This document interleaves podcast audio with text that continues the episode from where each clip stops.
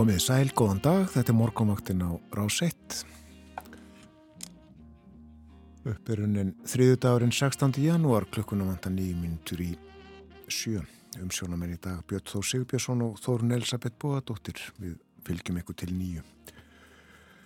Það er hægt að gjósa úr sprungunni, nyrðri sprungunni við Grindavík, þessari utan varnargarðana sem enn gauðs úr í gær eftir að og svo henni hafi stöðvast.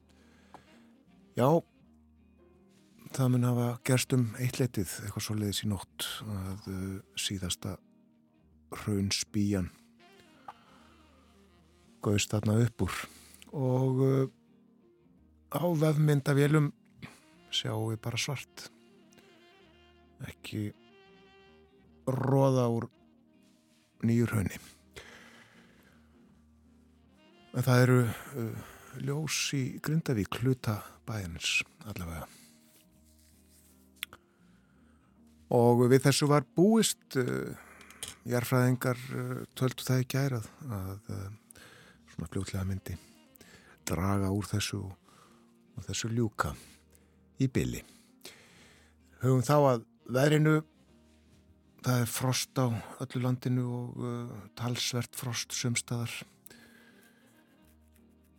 og uh, við nefnum að uh, það sem blæs af norðan að uh, þá er kaldara úti heldur en frosttölunar gefa til kynna.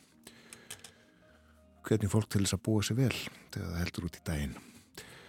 Og þá að frosttölunum 60 að frost í Reykjavík snjóaði lítilsáttar segir viðstofan í höfuborginni klukkan 6 og norðan 10 metrar uh, fór í 21 metra í mestu kviðu. Og uh, ámóta veður bæði Stafaldsei, Borgafyrði og í Stekisólmi. 60 af frost á báðum stöðum og uh, vindurinn þetta 10-12 metrar á sekundu eitthvað svo leiðis. Og hvassara í kviðum. 5 steg af frost á Patræsfyrði og 6 steg af frost í Bólungavík og norðaustan 13 þar. 5 steg af frost á Hólmavík og 13 metrar. Áttastega frost á Blönduósi, sjöstega frost við Söðunisvita, norðaustan 11, sjöstega frost á Akureyri, norðan 7, áttastega frost á Húsavík, níustega frost á Rauvarhöfn, norðan 13 á Rauvarhöfn, sjöstega frost á Skeltingstöðum og áttastega frost á Eilstöðum, snjójél þar klukkan 6, sjöstega frost á höfni Hortnafjörði og norðan 16 fór í 24 metra í mestu kviðu. 6 frost á kvísgerjum og nokkuð kvast. 7 frost á kirkjubæðaklustri, norðan 9. 6 frost á Stórhauða í Vestmanægjum, norðan 18, 28 í mestu kviðu og 7 frost í Árnesi.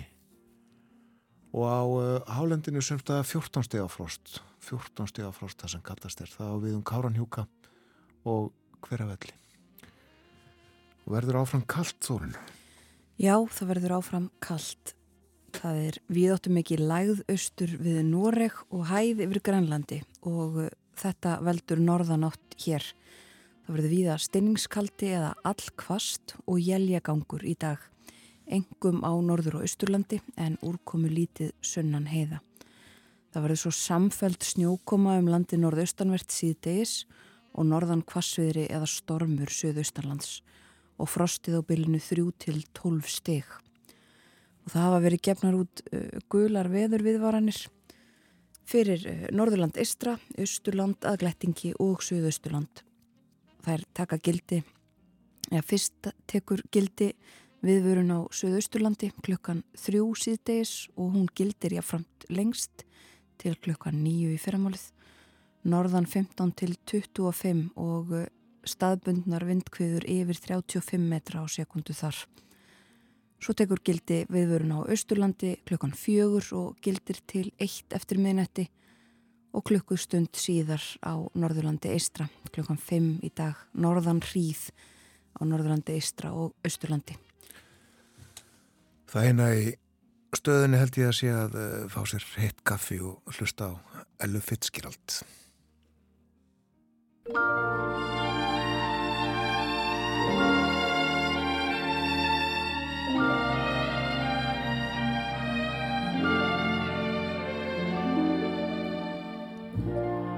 Whenever skies look gray to me and trouble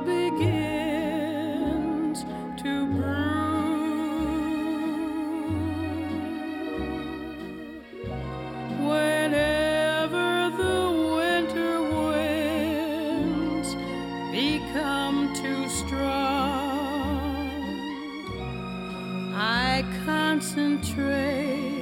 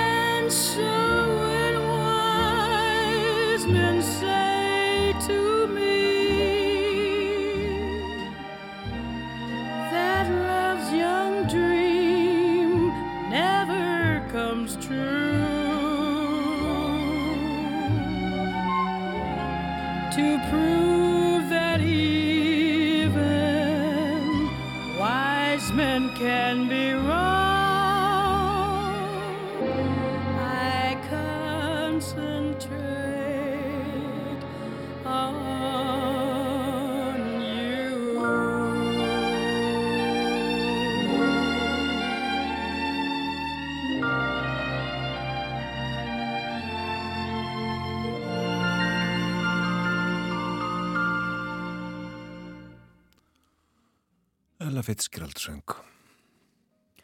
I Concentrate on You heitir þetta lag. Fyrsta lagi sem við heyrum á morgunvaktinni þannan þriðutags morgun. Við förum að leipa fréttastofinni að það koma fréttir eftir halva mínútu eða svo. Förum svo ítalega yfir dagskráð þáttarins að þeim loknum.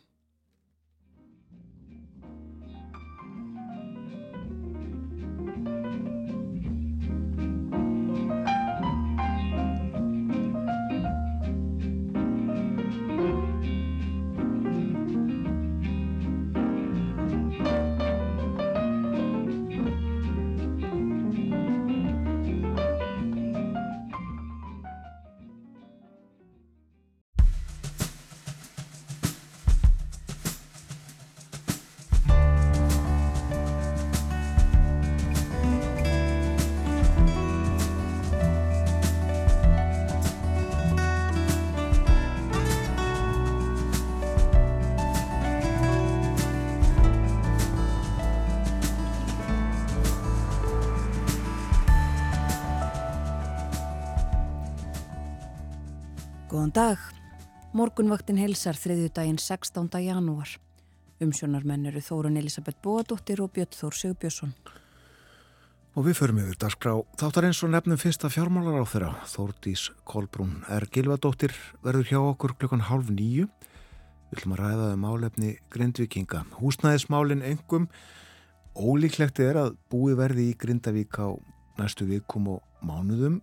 Hvaða kosti sér í stöðinni, bæði til bráðabyrða og til framtíðar?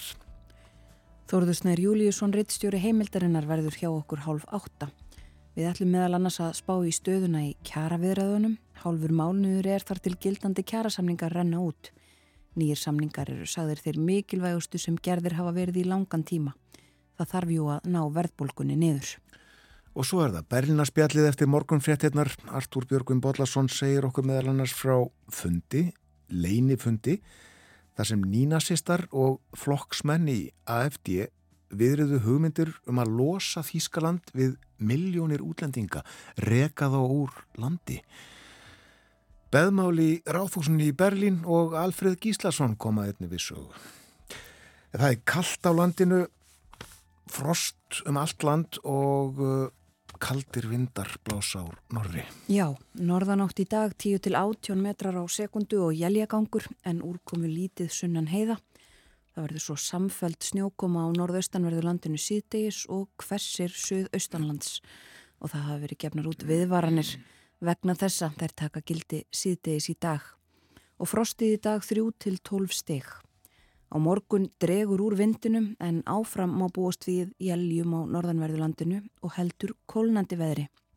Frostið getur farið í 15 steg á morgun Það verður svo áfram norðlega átt á fymtudaginn, aðeins hægari vindur 5-13 metrar á sekundu og víða dálitil snjókoma eða jél.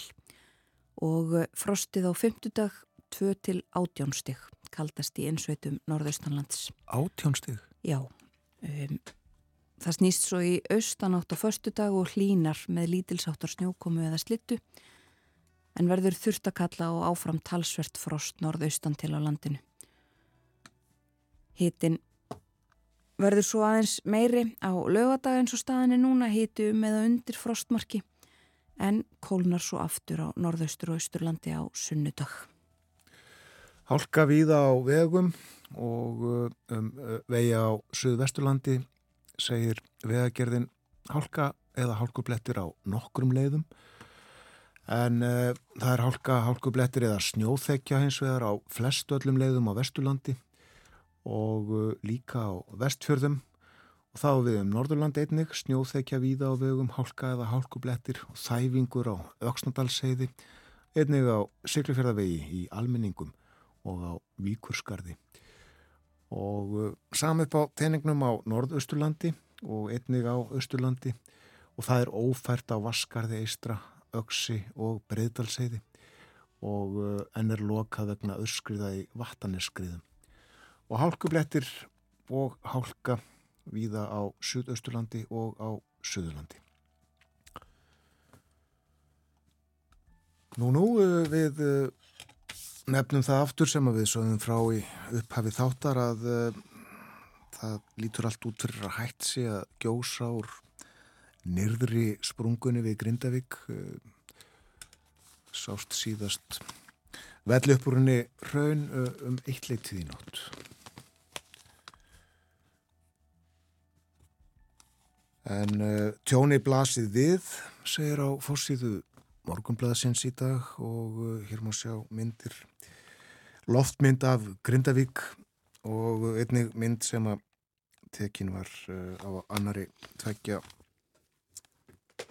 samveru stunda sem að end var til í kirkjum í gær, annars verið keflaðið og hins veður í hamnafyrði. Og Um þessi málu þetta fjallað á uh, fyrstu síðu morgunbladsins fleiri sprungur eftir átökjun segir hér stæsta verkefni frá stopnun segir Frankandastjóri náttúruhanfara tryggingar mjög mikill áhuga á eldgósinu Erlendis. Og uh, hér segir meitt líklega ekki langt eftir af eldgósinu þetta var brendað einhvern tíman í gerðkvöldi og fáinn klukkustundum síðar þá lög því eins og útlitið er allavega hana núna. Einni fjalla hér um uh, möguleika í húsnæðismálum og uh, þau mál til umfjöldnar hjá okkur á morgunvaktinni klukkan hálf nýju þegar Þórtís Kvalbrún Ergil og dóttir fjármálar áþur að verður hjá okkur. Í Silurni í gær var meðal gesta Vilhjálmur Árnarsson þingmaði sjálfstæðisflokksins sem að hefur uh, viðrað hugmyndir um að ríkið kaupi fasteignir grinduðkinga. Já, kaupi allt húsnæði, allar fasteignir í Grindavík en með því skilir þið að, að fólk geti haft uh, forkaupsrétt til að kaupa þær tilbaka þegar að ég staðan uh, breytist. Og hann sagði líka að þetta væri líklega hagkvæmustu kosturinn fyrir ríkisjóð við uh, ræðum þetta við ráþara hér á eftir. Já. Nú Trump, Trump fór með síður að holmi í Iowa. Já, það fór eins og allir heldu eh, og allar kannanir hafðu sínt. Hann sigraði með yfirburðum í, á þessum kjörfundum í Iowa. Við heyrðum að þessi frettunum áðan eh, kalda veðrið hafði sitt að segja en Trump fór með sigur af holmi. Það var svo Ron DeSantis sem að lendi í öðru sæti. Það var svona kannski mesta spennan uh, hvort þeirra Ron DeSantis eða Nikki Haley landaði öðru sætinu Ron DeSantis ríkistjóri í Flórida og Nikki Haley uh, fyrirverandi sendi herra bandaríkjana hjá saminuðu þjóðunum meðal annars en það munaði nú ekki miklu. Það er engin svona skýr uh, keppinautur við Trump eftir þessar þessar fyrstu niðurstöðu. Það var þó einn frambjóðandi, Vivek Ramaswamy, sem að dróð sér í hlið eftir þessi úrslitt en uh, nú fara frambjóðandunir til næsta ríkis, New Hampshire, þar verða fórkostningar eftir viku á þriðu dægin eftir viku 23. janúar. Og uh, ég held að frambjóðandunir séu allir með uh, einhvers konar fundi og, og kostningabóð strax í dagað og morgun. Færist þangað. En uh, það er erfitt að spá fyrir um það já hvort þeirra Ron DeSantis eða uh, Nikki Haley gæti komist uh, í þá stöðu að vera svona skýr keppinautur við Donald Trump og fyrsta vísbendingin svona komin um það þá að það gæti að öllum líkindum farið svo að, að Trump og Joe Biden eti kappi í kostningunum í nóvambur sem er sögulegt vist. Kallt á Íslandi við fórum yfir það áðan en uh, miklu, miklu kaldara í Æóarík í Bandaríkjunum. Líkt og í gær uh, er það 26 steg af frost það, uh, við um nóttina reyndar og hvað sem er hlínar niður í 17 steg af frost í dag. Já og eins og við segjum veðrið hafði sitt að segja já. já, og frambjöðunir þurftu að aflýsa einhverjum fundum í, aðdraganda þessa kjörfunda um, og uh, höfðu áhugjur af því að fólk uh, heldi sig heima mætti ekki á kjörfunduna en, uh, og það hafði eins og við segjum uh, einhver áhrif. En þetta er sögulega stór sigur. Trump fekk Eh, flest atkvæði í 98 af 99 síslum í Æjóa og í þessari 99. þá uh, tapaðan með uh, einu atkvæði. Þeir vita hvað þeir vilja í republikanaflóknum Já, það verðist vera. Og uh, þetta var líka farið yfir þetta í Erlendum fjölmjölum breyður sigur eins og sagtir Hann eh, vann á meðal ungra og eldra fólks, hvenna eh, og kalla og eh, hann hlaut líka atkvæði evangelista og mjög hægri sinnaðra íhaldsmanna sem hann hafði átt erfitt með að ná til 2016, segir hér. Já, þetta er svona kannski stærsta fréttin í Erlendum og bandariskum kannski sérstaklega eh, fjölmjölum í dag en auðvitað ímislegt annað uh, að gerast. Það fóru fram Emmy-verlun í, í gær og uh, líka farið yfir uh, þau mál. Og svo er það bresku blöðin, bresku stjórnmálin ábyrjandi þar. Um, fórsetisráð þegar hann stendur frammi fyrir uppreist segir í einhverjum fyrirsögnum það er uh, vegna þessara uh, samninga við Rúanda sem við nefndum hér í gerðmorgun og höfum svo sem oft rætt áforminum að uh, flytja fólk sem leitar hælis í Breitlandi uh, til Rúanda og það er ekki eining um þessi mál innan íhaldsflokksins. En fórsetisráður hann Rissi Súnak lætur engan bilbúi á sér finna, uh, segir að hann ætli að uh, halda áfram þrátt fyrir dóm, mannreitindadómstóls Evrópu og uh, miklar gaggrinnisrattir bæði uh, frá hægri og vinstri. En uh, þetta er stóru málin á flestum forsýðum í Breitlandi og líka fjallaðum um uh, stöðumála í miðausturlöndum. Þar sem að uh, tókst hútum, tókst að uh, gera árás á skip uh, Bandaríkin og Breitland hafa verið að bregðast við þessu undanfarna daga og ímislegt að gerast þarna tengist stöðunni á Gaza við heyrðum af þeim málum í frettu meðlannis í gerðkvöldi að deyja meðal 240 dag á Gaza. En uh, segjum þetta gott af erlendum frettum í byli, uh, minnum við þetta á að við ræðum svo um þýskmálefni við Artúr Björgum Bodlason eftir morgun frettinar klukkan átta, ímislegt að gerast í Þýskalandi líka. Hingað heim, Östurfrétt segi frá því að ungmennar á múlaþings er ekki að fullu sátt við nýja fjárhás áallun. Sveitafélagsins telur að sveitastjórn hafi gengið oflant í að skera niður ímislegt það sem ungmennum í sveitafélaginu þykir mikilvægt. Ungmennar áði fundaði nýverið með sveitarstjórn og uh, þrent var nefnt uh, niðurskurður uh, í félagsmiðstöðum, íþróttastyrkir og niðurskurður hjá skíðasvæði Múlaþings í Stavdal satt frá þessu í frétt á, austurfrétt og uh, kemur líka fram að uh, ungmenn þau uh, beindu þeim orðum til sveitarstjórnar fólks og myndu þau á að ungmennin ja, þau eru komandi atkvæðagreðendur skulið hérna hugsa um okkur líka. Já. Svo krakkarnir í Múlaþingi. Nú nefna það líka, það var talsverð svifriðsmengun á Akureyri í gær og uh, það var uh, veðrið, auðvitað sem að gera það verkum, það var hægur vindur í gær, kallt, götur, þurrar, vikublaðið saði frá þessu. En uh,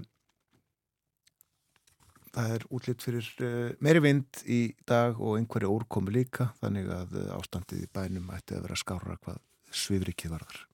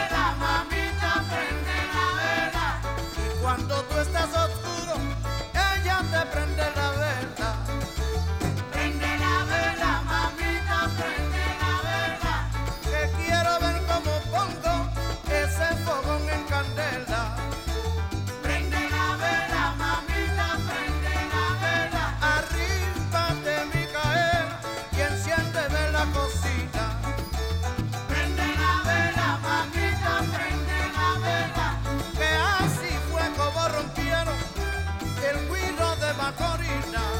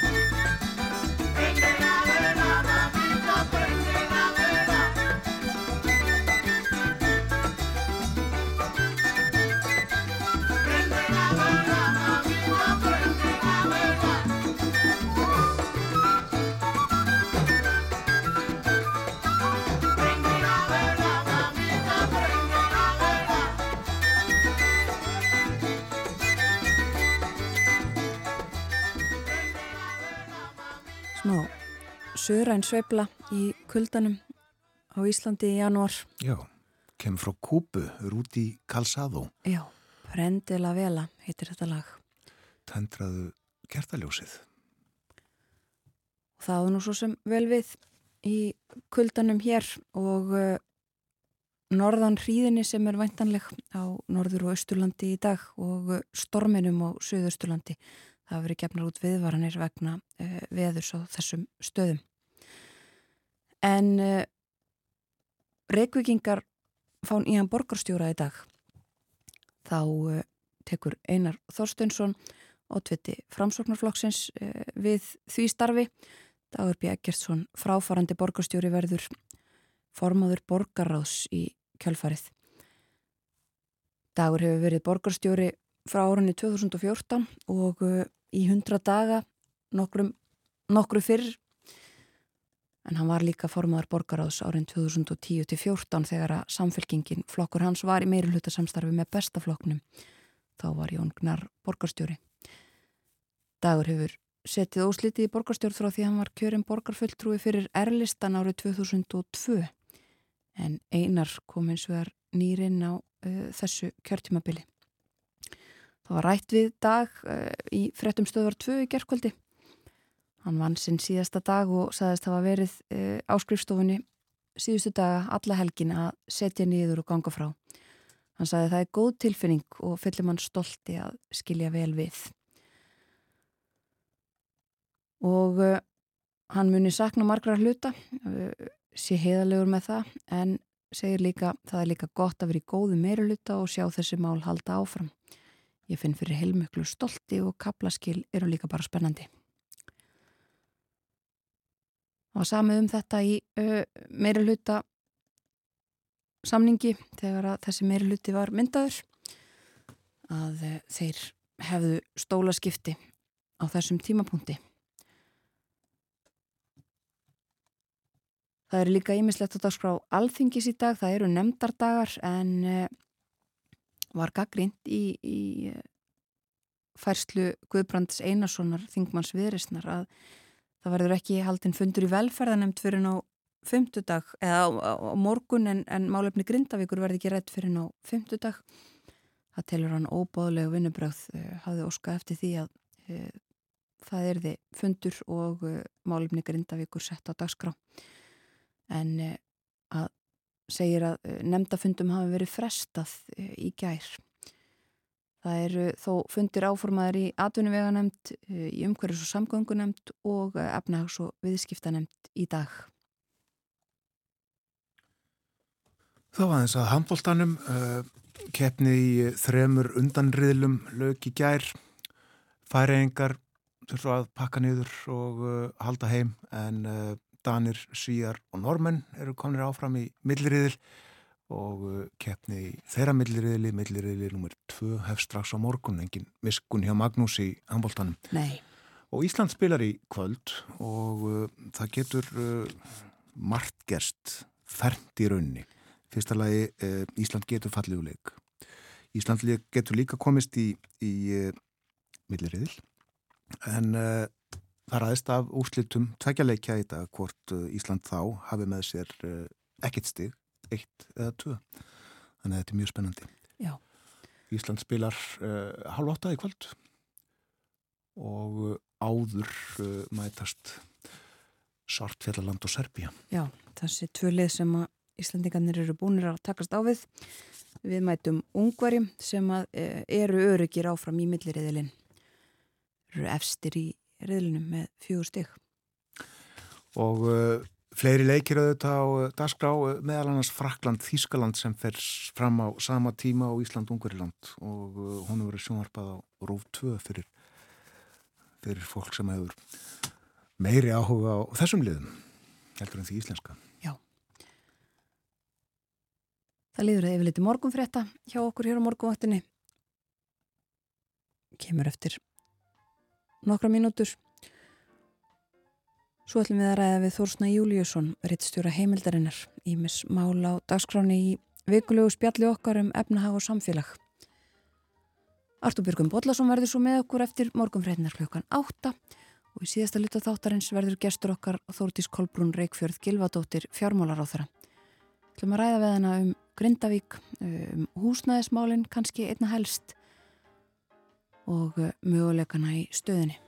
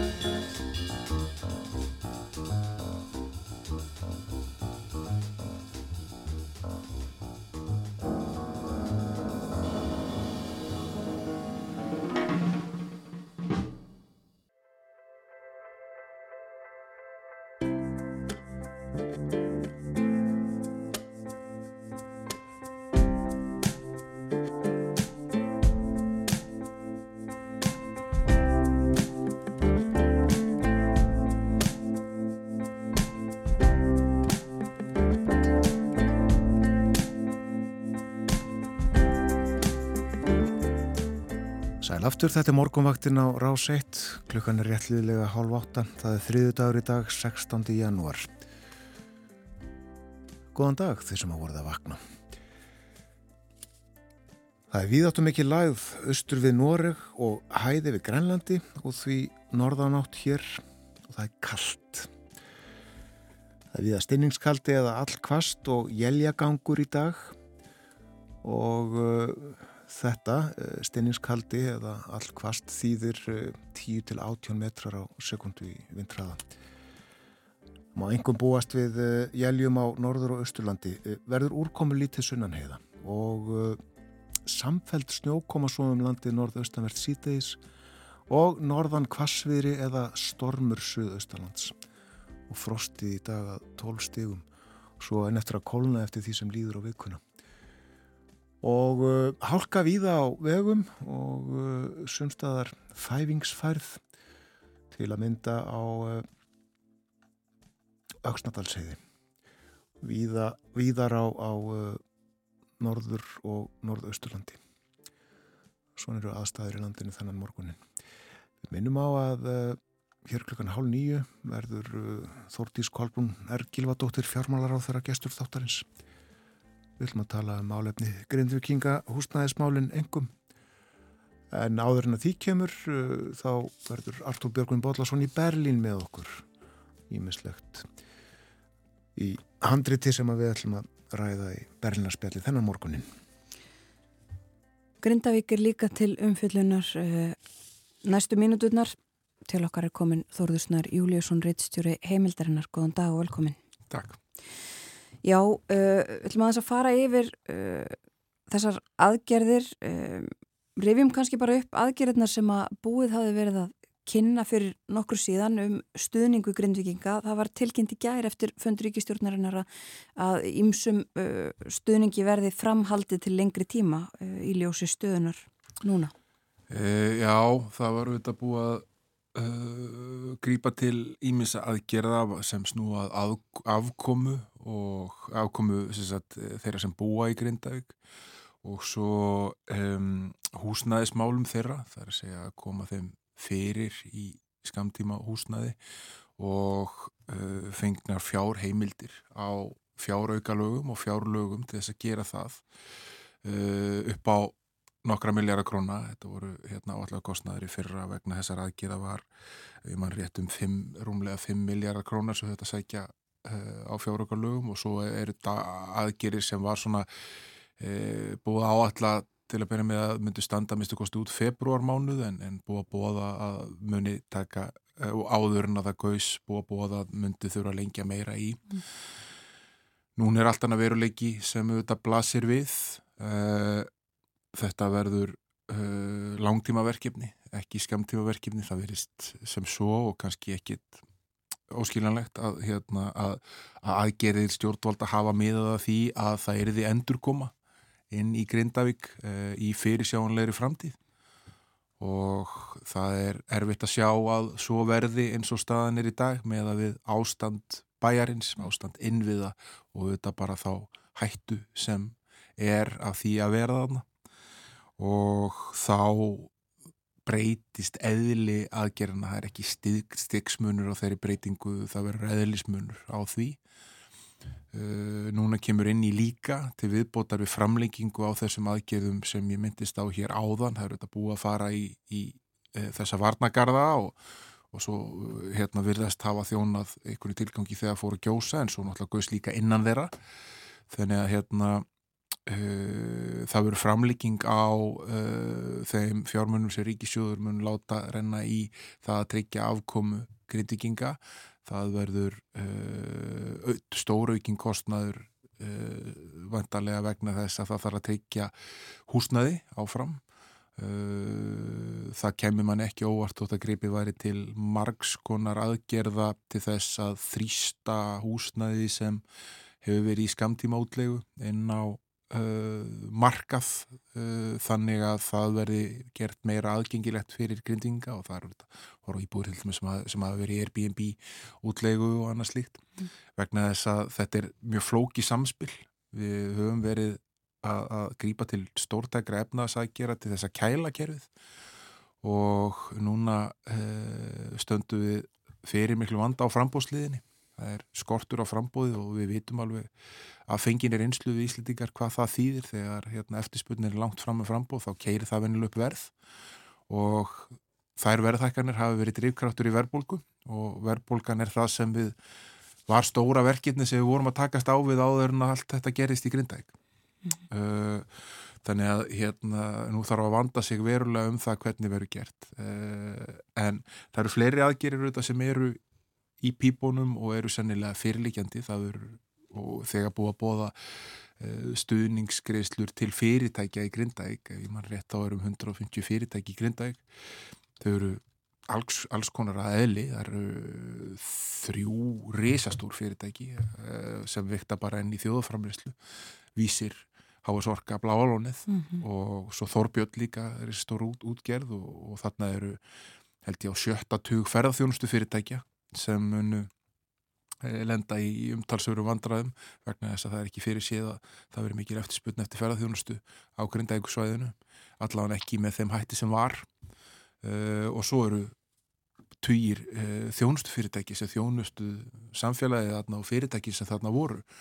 Þannig að það uh, og tilveru grundvöldur þeirra láð þar. Mm -hmm. þannig að það þarf að mæta þessari stöðu með ymsum aðgjörum, við höfum reynslu úr, úr korunveru faraldrinum með alls konar úræði sem voru, var beitt þar, lókuna styrkjum og, og öðru slíku. Eh, en þetta verður eh, flókið verkefni og þetta verður kostnaðsatn verkefni að mæta aðtunulífinu í Grindæk.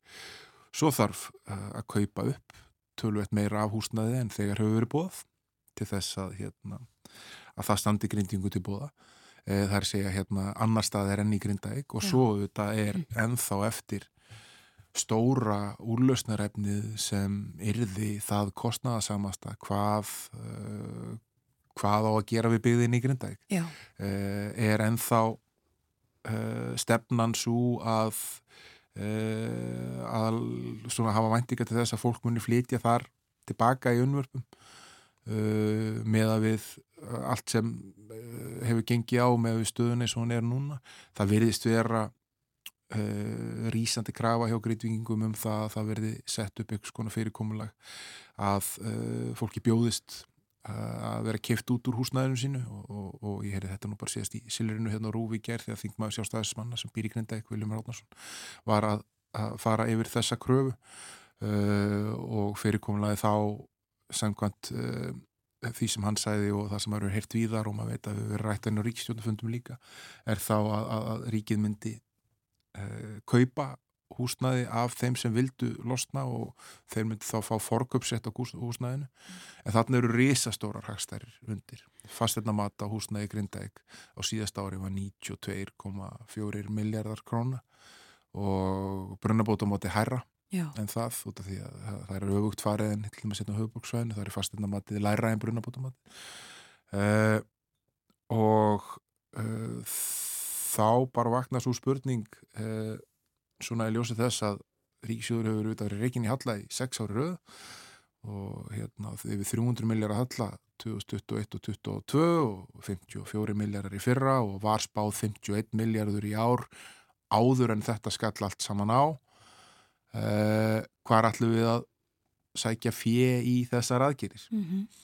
og það er svona hérna uh, spurning sem kannski ekki gefst rosalega mikil tími til þess að velta fyrir sér. Það þarf að grýpa til aðgerina sennilega ansið rætt.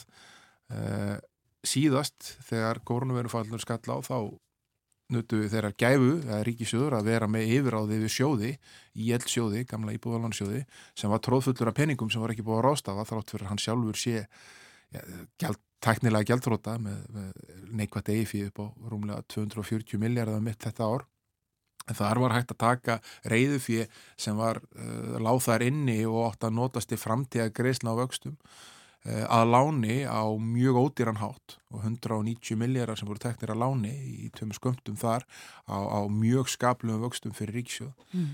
Uh, það stendur ekki til bóða núna, það er búið að það tekur ekki í eitt sjóð aftur að láni. Já og önnur lánakjör ekki eins hagstært. Nei og svo er þetta ríki ekki verið neitt stórtækt í útgáf og það bytnar líka á, á kjörum þegar, mm. þegar, e, þegar hérna, ríki er ekki í mikill útgáfu þá, hérna, e, þá er það einhvern veginn svona að koma alltaf færst inn ofta á, á, á markaðin í, ef það þarf að fara í stóra útgáfu en ríki á auðvitað fjármunni á einhverju innegnir í Selabanka þá varasjóð sem er tiltækur á hverju ári sem er í held ég 46 miljardar núna. Mm. en uh, þar eru þetta líka annað verkefni sem þarf að takast á og fjármagna úr þeim sjóði og það eru kjærasamningar uh, það er áallad samkvæmt mínum upplýsingum að 20 miljardar úr varasjónum þurfum við að eirnamerkja launahækkunum uh, í ómbergeranum og því það verða alltaf launahækkanir í kjærasamningun þrátt fyrir að það er verið mildar og það vinna mjög margir í hjá hennu ofnbæra. Þannig að e, þetta verður aftur úrlösnarefni, bæði það að hvernig ætlar að finna fjármunna í þetta og svo hvernig ætlar að mæta e, kröfum og væntingum e, grindvikinga á sama tíma og þú og, og ríkistjórnin eða ríkisfaldið hefur einhvern veginn uh, augun á því að valda ekki miklum óstöðuleika í stóru efnahagsmyndinni, það er að segja ekki að grípa ekki til aðgera sem getur orðið verðbólguvaldandi eða, eða annars líkt og þetta verður, þetta verður mjög flókið. Já, og einmitt eins og nefnir í ofanálag þá er ekki mikil tími til að velta þessu fyrir sér, það er aukinn þrýstingur á og eðlilega að fólk fá einhverja lengri tíma laust í Grindavík, það verði ákveðið hvað verður gert. Um, og já, það er unni í kapið tíman eiginlega. Já, ég held að við munum sjá uh, hráar tilfinningar grindinga í, í kvöld á íbúðafundinum sem verður haldinn með ráðamönnum þjóðarinnar í löðsöll og þar munu þær spurningar sem ég hef heyrt frá, frá, frá eh, grindingum í kringum mig uh, endurvarpart mm -hmm. og, hérna, og, og vonandi verður þeim svarað. Já. Já, þú nefnir það, uh, það séu 20 miljardar erðnamertir launahækkunum í, í ofinbæra kerfinu en uh, svo eru það uh, kröfunar sem eru uppi til þess að uh, einmitt ná kjærasamningum á almennamarkanum og þær eru líka kostnaðarsamar fyrir ríkisjóð, ef, ef þær eiga að, eða þá að ganga að þeim. Já, það er svo sem bara komið fram nú þegar að, að krafan um, um, um, um hérna, það að stappa upp í, í millifæslu kerfin, eh, barnabótakerfið og, og vakstabótakerfið og hún uh, er upp á 20-25 miljardar króna á ári. Og það er líka krafa á borðinu um það að uh, aðgengi að húsnaði verði stóru ekki, það verður farið í stórtakar aðgerir þar og, og hagur leyenda verði treyður með ýmsum hætti mm.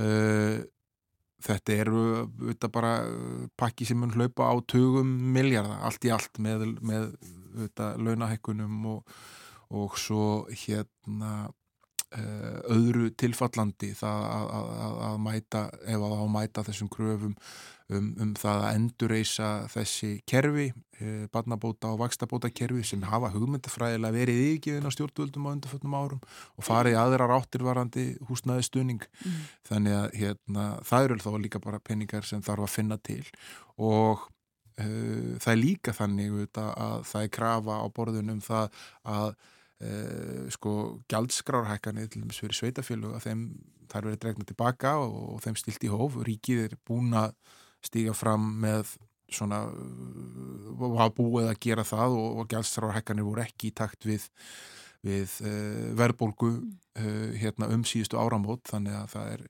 kannski ekki fyrir sig að það veri mikið tekjutap hjá ríkinu þar. En, en þetta er uh, bara líka aftur risastóra áskorun sem var þegar risastóra áskorun og er enþá stærri núna þegar það þarf að huga að samspilinu við aðgerir Uh, til handa grindvikingum uh, á sama tíma og þá að lenda þessum kjærasamningu til lengri tíma til þess að ná einhvern stöðuleika efnaðasmálum Já. Uh, Kanski bara aðeins áður en við færum okkur annað um bara gangin í viðræðunum.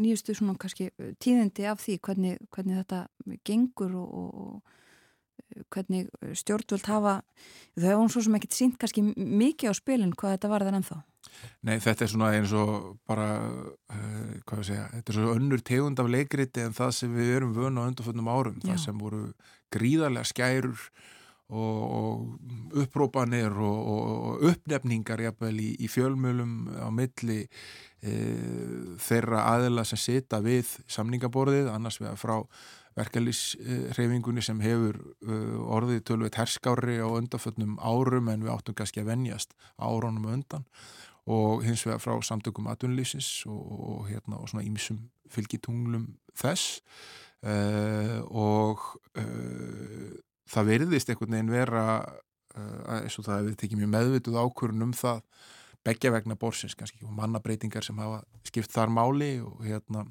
en allt í hennu var bara komin ágætis friðurinn í ASI og hérna þrátt fyrir ASI það er náðast ekki sátt um það að fara fram í viðræður eða hatti ASI vegna þess að innamennir vildi fara þar að leið þá er megin þorrin stóru stjættafélagana þar í þessari svo kallu breyðfylkingu og er með samningsumbóð fyrir mjög stóran hlut af almenna vinnumarkaðinum og þar er þar eru engar yfirlýsingar eins og við hefum að venjast og, og frekar í ákvaðu tótt þegar uh, hérna, þau eru að svara spurningum fjölmjölamanna fyrir og eftir fundi um, um, um gang viðræðina og sama frá nýjum framkvæmstjóra samtaka atvinnulífsins uh, þar hafi verið yfirlýsingar sem hefur verið að hvetja atvinnulífi til þess að halda áttur á verðhækkunum og, og skrifandi sameila yfirlýsingu með breyðfylkingunni um það hver markmiðin eigi að vera og þannig að e, það auðvitað e, vekur upp væntingar og, og vonir um það að, hérna, að e, þetta sé alvöru, að, mm. að, að þetta sé ekki e, bara taktíst að nálgast þetta með þessum hætti en hérna, svo verður bara að sjá þegar þegar fer að líða því að kjærsamningarnir rennu út og það þarf vantanlega á allara næstu dögum í síðasta lagi viku að, hérna, að fara að glitta eitthvað til lands eh, ef að ná á saman. Já, Já það er hálfu mánuður eða svo þanga til að samningarnir er nót. Við fylgjum með því áfram en uh, þóruðu við töluðum svolítið um uh, kaupullina í bandaríkunum eða bandaríska hlutabræðamarkaðin í síðustu viku komum aðeins inn á stöðuna hér á landi en uh, kaupullin hér, hún hefur verið meira um minna græn þar sem afur þessu ári. Já, svona hóngur til í gæra þess. Hérna, hún hækkaðum um 1,4% tæplega uh, úrvarsístalan sem aðli seljanleika stærstu fyrirtækjana í, í kaupöllinni það sem að er ári og það er bara til þess að setja það í einhvers konar samhengi uh, þá lækkað hún uh, heilt yfir í fyrra um 1,8% þannig að það er svona nálagt því að vera búin að vinna upp þann uh, það tap og munum auðvitað og höfum farið yfir það hér áður að, að síðustu mánuðir síðast ás voru þeir svona sem björguðu því. Mm -hmm. það voru miklar hækkanir á lokasprettinum. Eh, það var aldrei drefið áfram af uh, þessum uh, stormi í kringum Marel. Hlutabriði Marel hækkuð mjög mikið og Marel er annað af tveimur stóru, stóru fyrirtækjum í kaupullinni þannig að það vikta mjög mikið inn í þegar hlutabriða verði Marel hækkar. Og núna er uh, þetta framöndan einhvers konar Uh, niðurstaða eða allavega uh, svona verður að vera einhverju upplýsingar um það hvernig síðasta yfirtöku tilbúði í Marel uh, hefur verið tekið og hvað verið gert með það já, sennilega núna bara á allra næstu dögum þannig að það geti haft mikil áræf í sikkur áttina ef að það veist, getur haft jákað áhrif og það getur haft neikvað áhrif mm. fer eftir því hvernig það verður En við sáum það strax í gær þegar kaupöldin opnaði eftir atbyrðið helgarinnar að þetta hefði mikil áhrif á flugfélögin. Æslandir lækkaði um, um vel rúmlega 3% og langmest velta með hlutabref á markaðunum í gær var með hlutabref í Æslandir og pleileikaði sumu leiðis á First North markaðunum þannig að, hérna, að markasæðilar klárlega sáu atbyrðið helgarinnar sem neikvaða fyrir íslenska ferðarþjónustu uh, og svo eru bara sjátaldið hvað framvindur. Emið það, kæra þakki fyrir spjalli í dag Þóruðsnar Júliusson, rittstjóri heimildarinnar.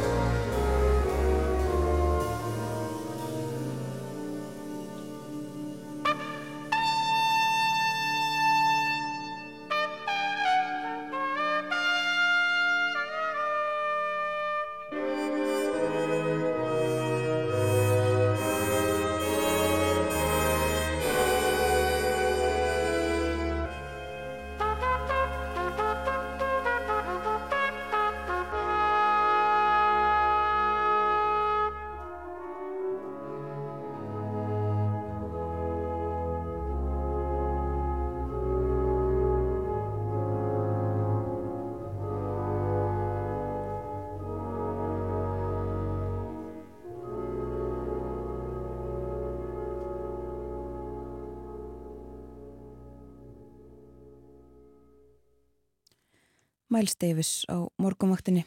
Uh, Þorðusnar Júliusson, reittstjóri heimildarinnar var með okkur spjallaði um uh, stöðumála í Grindavík, uh, þessar aðgerðir sem að bóðaðar hafa verið og mögulega þarfa ráðast í.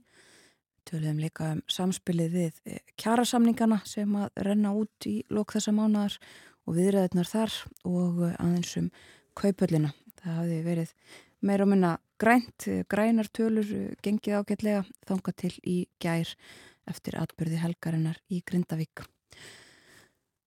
En morgumfrettir koma frá frettastofunni eftir 6 mínútur. Að þeim loknum verður með okkur Artur Björgum Bollarsson í Berlín til að ræða ímislegt úr þýsku þjóðlífi. Íslandingurinn Alfred Gíslason kemur líka við sögu í spjall okkar og í síðasta luta þáttarins verður hér Þordís Kolbrún Reykjörð Gilvardóttir fjármálar á þeirra. Við ræðum við hana um sömt af því sama og við rætum við Þorð Snæ, húsnæðismálinn og uh, það sem er framöndan fyrir Grindavík.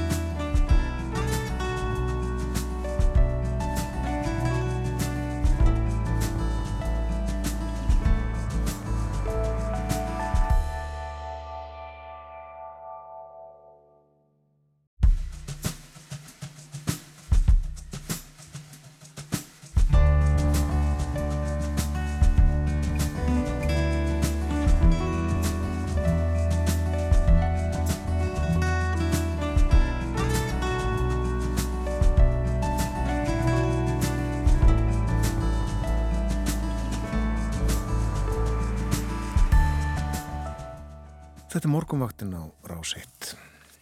Klukkan er farin að ganga nýju, það er þriðu dagur í dag, komin 16. janúar, um sjónamenn þáttarins eru Þórun Elisabeth Bóadóttir og Björn Þór Sigbjörnsson. Góðan dag, segju við, við þá hlustendur sem voru að vakna eða kveikja á útastækjunu. Það er kallt á landinu, frostið 6, 7, ég vil 12 stík í dag og það er uh, norðanmyndur norðan rók sumstaðar og uh, það gerir það að verkum að það er tölvert kaldara heldur en uh, frosttalan segir til um. Ég er hér með uh, tölufórið sem að segir að uh, úti sé eins og 15 stiga frost í Reykjavík. Munar þarna nýju gráðum niður á við. Já. Þannig að fólk hafi þetta í huga áður en að heldur út í daginn það þarf uh, þykkupeisuna og góða yfirhöfn við mælum með uh, húfu, vellingum og trefli líka. Það verður áfram kallt næstu daga og uh, kannski rétt að nefna það líka aftur að það hafi verið gefnur út viðvaranir vegna veðurs. Uh, ekki bara kallt og uh, norðanátt, uh, norðan kvassviðri er í kortunum á Norðurlandi, Eistra og Östurlandi. Kvassviðri og norðan hríð setnipartin í dag og inn í nóttina og stormur á Suðausturlandi. Við erum komin í samband við Artur Björgvin Bodlason í Berlín. Berlínar spjall hér framöndan næstu mínútur. Hill og sæl og góðan dag. Góðan daginn. Við ætlum að tala um, uh, já, bísna alvarlegt uh, málefni hér rétt á eftir en uh, kannski að við fáum að forutnast rétt að þessum veðrið fyrst. Er kallt hjá þér?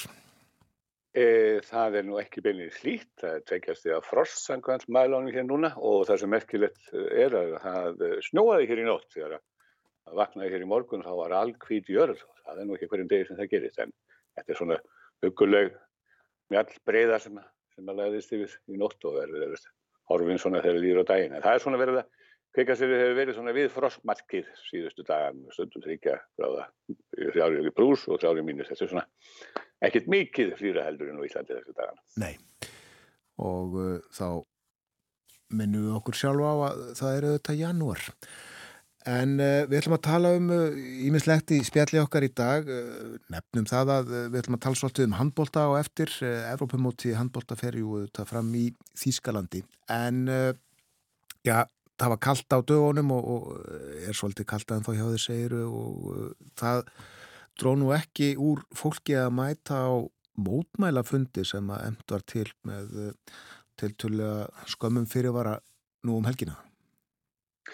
Nei, það er á að segja það. Og það sæti tíðindum að þegar að 25.000 mann sapnast saman við Brandborgarlið til þess að mótmæla öfga fullri hægri stefnu. Og þetta eru einn fjölmennistu mótmæli gegn nazistum, nínazistum og, og svona andlegum fylgjunautum þeirra hér í Þýskalandum langt ára byl og það var ekki bara hér í Bellin sem að sapnaði saman mannfjöldi til að láta í ljós anduð sína á hægri eða svona auka hægri mönnum og sérstaklega AFD-floknum og, og lagsbreðum þess flokks íst á hægri kantinum. Heldur kom líka um 10.000 mann að hópa saman í Potsdam, hérna rétt fyrir utan Berlín. Og uh, í þeim hópi voru, var fólk á borð við Sjóls kanslara og annulegnu Berbok uðaríkisverðara og, og ástæðan fyrir þessum uh, úlvað þitt öllum var svo að í vikunni þá varst uh, frétt af fundi sem hefði verið haldinn á laun má segja í, í villu nokkur í útjæri Potsdam í november þar sem að kom saman hópur herskára nínasista og fulltrúar ímissa aukahópa, uh, hægri aukahópa, til þess að leggja á ráðunum það hvernig þið getur beilinins umturna þýsku þjóðfélagi. Og uh, fórsbrekki, þetta var svona samsærisfundur og fórsbrekki fundarins var austuríski þjóðöfnispopulistinn Martin Sellner sem að hefur nú býstna þektur hér úti í Þýskamælandi heiminum fyrir mjög öfgafulla þjóðöfnishyggju og þarna voru sömulegis nokkurir uh, kunnir nínasistar og, og síðast en ekki síst uh, nokkurir félagar í stjórnmálafloknum AFD, Alternatífi fyrir Deutschland og meðal þeirra var náinn samstagsmaður Alíse Vædl sem er jú annar tvekja formanna flokksins. Þetta var hennar, pers, svona, já, það heitir vist aðstofamaður hennar e, og e, það má kannski skjóta því hér inn að það barst svo frétt í gær að Alíse Vædl hefði, hefði leist þennan umrætta uh, félagasinn og, og samverkamann frá störmum. En eitt helsta umræðuefni á fundunum í Potsdam mun að verið tillaga Martins Selnes um svo kallaða remigrasjón. Þetta er mjög sérkennilegt orð og er eða nýjirði held ég. Og migrasjón er náttúrulega einn aðflutningur ellendra til landsins og þetta er að vera snúið þetta við. Það er að segja reka úr landi þar sem að hafa fluttinga.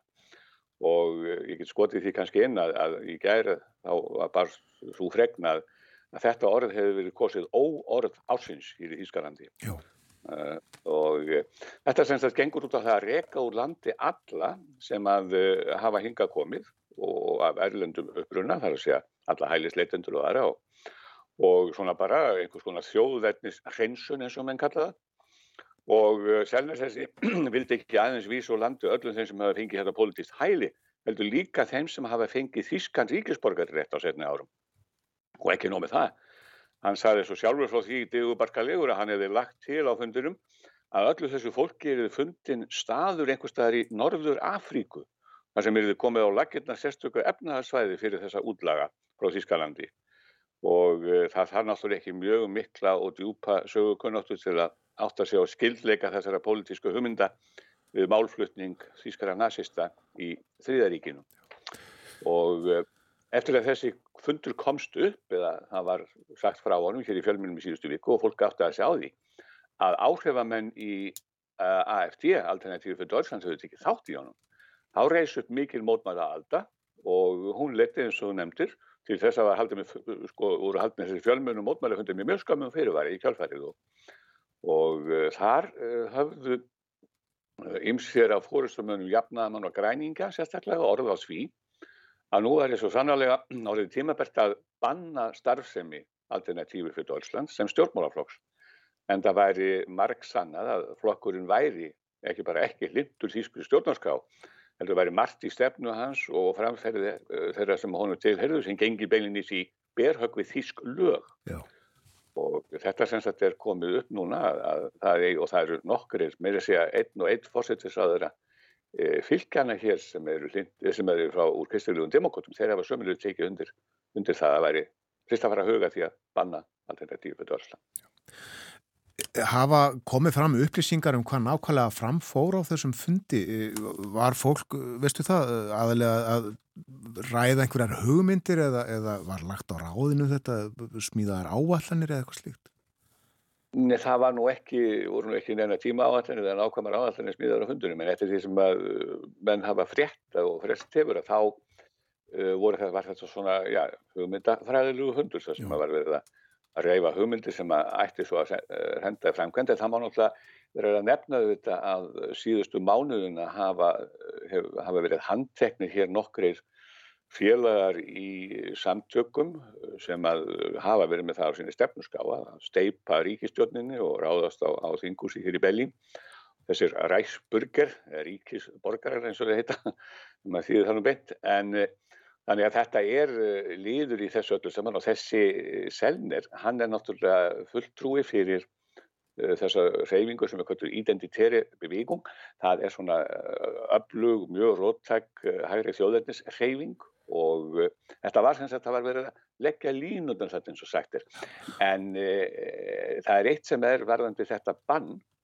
Það er auðvitað svolítið mikið mál. Það var nú fyrir einhverjum allmörgum árum reyndað setja bann á, á, á nazistaflokkin en e, það var svolítið erfitt og það fóð nú allt í handaskólum vegna þess að ef við maður rétt að þá voru þeim með flugumenn inn í flokknum á sínum tíma þegar þetta var, þetta nokkur áratvíði síðan og e, þetta snýristu höndunum á stjórnvöldum þannig að það var ekki hægt að setja laga bann á flokkin en e, nú er þetta sem þetta orðið miklu öflura og það er kannski rétt að nefna líka það bara bara svo frétt í gerðkvöldi í gær að e, það væri búið að sapna undirskriftum hér í Þýskalandi og væri konar rétt tæpilega miljón undirskriftir undir plagg.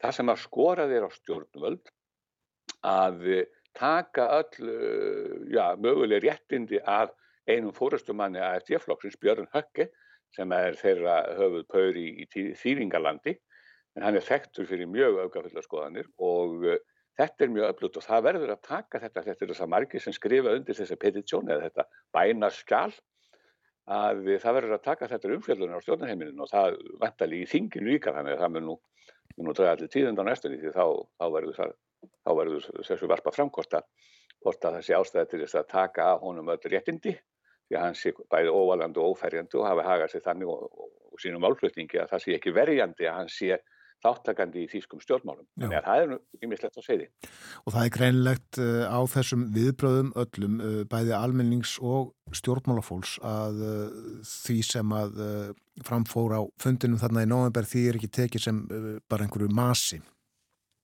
Nei, það er ekki og auðvitað verður náttúrulega að setja þetta í aðeins viðra samingi því að þessar, sko, þetta er líður einfallega í því sem er að gerast viða í Evrópa. Þessar auðgöðsunuða hægriflokkar hafa verið í mikill sók. Þannig að ég náttúrulega nefna bara Ítalíu, við þekkjum nú hvernig stjórnir, hvernig stjórnir þar og svo Holland, þar sem að e, hægri öflun auðgöðabli sóttu mikið í sér verið í síðustu kostningum eins og um hest og þetta er, það er að gerast hérna líka, það er þessi hægri, mikla hægri svepla og en sko þetta er, menn, mennum brá mjög yllilega Eh, við þetta væri verið að smíða einhverja tillögur og, og, og, og orða einhverjar hugmyndir og reyna að koma því til leiðar að væri að reka alla útlendinga meira meina miljónum saman hérna frá Þískanandi. Þetta hefur nú ekki verið svona svakalvegt hinga til en, eh, og þarna á sérstaklega það sem mönnum þóttu sko erfiðast var það að þarna voru fulltrúar stjórnmálaflokks sem að er á Þíska þinginu og hefur það stóran hóp og er að vinna núna á í öllum skoðanakonunum sérstaklega í austurþísku fylgjónum. Það sem verður kosið, það verður kosið í þremur austurþísku fylgjum í september og þess vegna settum mikið óhuga mönnum eða og Björn Hökke til dæmis, hann lítur mikið fylgis í Þýringalandi og ef að kosið er því í dag þá myndi, var ekki ólíklegt að hann er því sigurveðar í kostningana þannig að að fá mann þar í fyrsta sæti og ég vil, er ekki líkt þetta að verði fórsettisáður því að það er búið að setja aðri flokka vilja ekki vinna með þessu flokki en, en hins vegar þá er þetta svona, þetta vakti mikið óhug þetta skildi verið að gerast. Sem þetta gott að þessu máli í byli, e, förum Artur Björgunin í Ráðhúsið í Berlin, já þar svíður ástinni við vötnum. Já, já, beðmálinn í borginni, getið einu sinni þetta er einu svona fræg sjónvarsmyndaserja en e, það eru beðmál í gangi í Berlín og Berlínar er á húsinu og fjölmiðlar hafa smjattað bæði stóður og smáir og bæði engaregnir og ríkisregnir mjög mikið á þessu máli. Um, það hafði sem sagt tildröðin er nú þau að það hafði um tíma verið svo orðrumur að kækja að Kai Wigner sem að er nýkjörinn borgastur í Berlín eða kjölslan síðast ári og er leðtói kristilera demokrata hér í borginni Hann hafi verið í tíum við já, yfirmann mentamáli eða mentamálar á þeirra, bara bildungssenatórin, Berlín er náttúrulega sjálfsagt fylgi þannig að það talaði um ráðherra einilega hér í borginni, eh, hafi verið í tíum við þessa flokksistu sína sem gegnir þessu ennbætti, Katarina Gunther Vunns og Vigner hafði, mun hafa skilið við eiginkonu sína sem hann átti til margur ára á síðasta ári. Og það vakti í fyrir ekki mikla aðdegli en það er það þannig hér að Þískir fjölmiðlar eru nú ekki jafn gýruðir í frettir af engalífi stjórnmálamanna eins og fjölmiðlar til dæmis í bandaríkjónum og, og sömum Evrópulöndum. Hins vegar þá allir þessi samdráttur borgarstjórans og, og metamálar á þeirrans sem fylgdi í kjölfar, uh, fylgdi þetta í kjölfari gríðarlega aðtílu og fjölmiðlar letu að því líka þetta væri ást í meinum og það voru svakalega merkja að greina skrifum þetta hvort þú væri nú saman eða ekki saman og uh, það var svolítið svona eldingalegur fjölmiðlar svona paparazzjar voru að hlaupa eftir þeim eitthvað til þess að reyna aðtúa hvort þau sæjast einhverstaða saman eða var eitt sáframan í hvort annað. En mörgum þóttu svo líka fyrirlegt að þessar pólitísku turtildúi skildi ekki gangast við samdrættunum ofnbælega og þess vegna var mikil eftirvænt ekki loftunni þegar að borgarstjórin emdi til bladamannafundar í Spandá í síðustu viku þar sem að var talið víst að hann myndi vika að sínum persónulegu hugum mm. og það mótti bara hera sömn á detta á fundunni þegar borgarstjórin lísti því yfir eftir að hafa farið svona rætt nokkuð almennt um framtíðaverkefnin í, í borginni, að nú myndi að segja nokkur orð um fílinn í stofunni eins og hann orðaði það. Það var kampakáttur og brosti bara meðan hann talaði og, og síðan bætta við, hvað er það sem hér hefur gæst það? Jú, tværum manneskur, það voru hrifnar okkur annari og ákveðið að ganga til ástarsamlags. Já. Og þetta, sko, við þetta fórum með að klappa hann á fundunum og svo mjög kölluðu bravo og svo framvegis og þessari, þessari ást en Adam var nú ekki lengi í paradísi á næstu dögum og eftir að há eftir þessa tilturlega málefnilegu ástæðjáttningu verðum að segja. Þá fóru ímsi borgarfulltrúa sérstaklega úr stjórnarnanstunni gerði því skóna að þetta veri forbóðin ef ekki beininleis hættulega ást og uh, samband Vagnars og mentamálaráðara borgarinnar það fæli í sig þá hættu að í krafti ástarinnar geti borgarsturinn farið að hyggla ástinni sinni eða elskunni sinni sérstaklega. Til dæmis er ekki að útluta fyrir úr borgarsjóði verkefna. Þá geti ástin viltónum sín og orðið til þess að hann leti elskunni sína fá meira til skólamálana heldur sem væri sangjant og kostnað annara málaflokka og, og e, þó að Wagner, e, Vigner segja svarið og sátt við lagt að hann sé nógu rétt sítt til að hyggla ekki elskunni sinu umfram aðra í borgarstjón þá e, lindu anstæðingar hans ekki að láta fyrir að lísti því yfir að ef það kemur upp eitthvað svona ágreiningur um, um rétt mæti þess sem fjár sem er útlætt til mentamála þá myndi staðgenglar hans fótt að hlutu ekki að skera úr það. Þetta var svona Salomons dómur sem henn hætti sér við þau fá að njóta sáframleysur. Já, ekki gott að ef að eh, fjárveitingar eru ákveðnar uh, einhverju kottahjali. Nei, beðumálum í borginni. Akkurat. Að öðru hér í lokin uh, Europamóti, handbólta í fullum gangi, það fer fram í Þýskalandi og uh, Kastljósi þar í landi ekki síst á Alfred Gíslasinni. Nei, hann er nú aldrei Alfred Landokkar Gíslason og mikið í fjölmjölu hér, hann er sannkvöldu sjóð hér í Þýskalandi og eh, auðvitað náttúrulega er aðtikli mikil á mótunum vegna það fer hér fram eins og sæðir eh, og hann hefur líka eh, leitt þjóðverði til Sigurs á, á, á tveimur leikum í, á verðumestarmótunum í Halbólta núna, það sem af er og það leynir sér ekki að þýskir áhuga íþrótta unnendur þeir binda miklar vonir við þennan fræga þjálfara sinn. Og Alfred Áttirsson langa fyrir hér í Þýskalandi áður og hefur stýrt tveimur liðu til Sigurs í Þýsku mestaradildinni bæði S.C. Magdeburg uh, á fyrsta áratug síðustu aldar og á aldarinn segi og síðan T.H. Uh, Kíl í Tvígang á síðasta áratug og frá árunni 2020 er hann búin að vera þjálfarið Þíska landsleysins með bísna góðum árangur og það er svolítið gaman að fylgjast með því hvernig fjölmiðla fjallaðum þennan vinsala landa okkar það er alltaf tekið fram að þessi Íslandingur, þetta kemur alltaf í Íslandi hjartaði þeim sem heyra og, og sem slíkur er hann stundum kallaður svona svolítið stúr eða, eða þrár. Já. Hann þykir mjög snöfurmannlegur og svolítið þurra mannin á köflum en það eru þetta norræni upprunnin sem að menn tala uh, þar um og það er bara að tala honum til tekna, verð ekki með neitt uh, gjálfugur og uh, svo segja menn enda sko hann, hann, og þetta er alltaf þegar tala um að hann sé svona eitthvað þurra manni þá er það að tala um það sem unga fólki kallar gerðan á, á, á vandur í íslensku að vera cool Já. og ja, það er það sem er að tala um sko eins og til þess að undirstryka kúlið svo við notum nú það mál þá er gefnan líka tekið fram að hann eh, sé upprunalega frá bæ sem heitir Akureyri sem sé bara nýrt á þessu norrlæga landi sko. Og eh, fyrir okkur Íslendinga sem að hér erum er ákvæðlega skemmtilegt að fylgjast með, eh, fylgjast með því hvað, hvað menn hafa mikið dálætt og það er gaman að, að sjá sko hvernig þessum, og ég segi nú bara sem hollvinni Akureyrar, þá þykir mér alveg sérstaklega ánægulegt að hann skuli hafa komið þessum merka höfðast á Norðurlands og korti hér í Þýskalandi. Það er ekki að hverjum degi sem að, sem að maður heyri minnst á Akureyri hér í stórum fjölmiðlum og, og ja, hans fræðar sól fer hækkandi með hverjum deginum. Þess að glæsiða land okkar, hann er mjög flottur fulltrú í Íslands hér í Þýskalandi, svo ekki sem er að sagt og menn hafa dálætti á honum. Hann er yfirvegaður, hann er rólegur og uh, maður hefur, hann nýtur mikils tröst og það verður nú ekki sagt um alla sem koma fram hér í fjölmunum. Og ef það verið með tröst á Alfred samanborið við, við Sjóls kanslar eitthvað til þá er ég vissum að Alfred myndi skora miklu að þeirra. Já, hann kann sitt fag, uh, Alfred Aldelis, uh, en hvernig er það að gera þjóðir að sér vonir um að verða Evrópumestrar? E, já, sko, þegar að menn eru spurðir, handbóltamenn eru spurðir að því hér, það er náttúrulega Alfreður þetta hæfuskur og hann myndi aldrei segja, já, já, já, við gerum ráð fyrir því. Nei. Hann hefur spurður að þessu og ég man ég heyrði hann einhvern tíma svara því að, menn, eins, og, eins og svona maður eins og hann gera, hann sagði bara við munum gera okkar besta svo sjáum við til hvað kemur út úr því eitthvað í þeim dúr. En uh, auðvitað eru þau verið komnir í svolítið ham, það má kannski líka nefna að fótbollaliði Þíska hefur ekki gert það nógu gott á síðustu stórmótum landsliði fótbolta, þannig að nú er svolítið, eru væntingarna svolítið fannir að færast yfir á handbolta, maður hefur á tilfinningunni það voruð svolítið handbolta sveifla og uh, þess vegna uh, held ég að mjög margir manni finnst það fólki að fólk gerir svo dálítlega vonir um að, að þjóðveri geti náð ansið langt og jafnvel þeir bjart sínustu, þeir sem eru mestu políunurnar, að þeir líta svo á að það sé ekki útilokað að þjóðverjar verði Evrópmeistarar. Við fylgjumst auðvitað með því þjóðverjar leika í kvöld eins og Íslandingar, þjóðverjarnir mæta frökkum, svo er Ísland ungverðiland. Kæra þakki fyrir að vera með okkur á morgunvaktinni í dag, Artur Björgum Bollarsson. Takk sem er leiðis.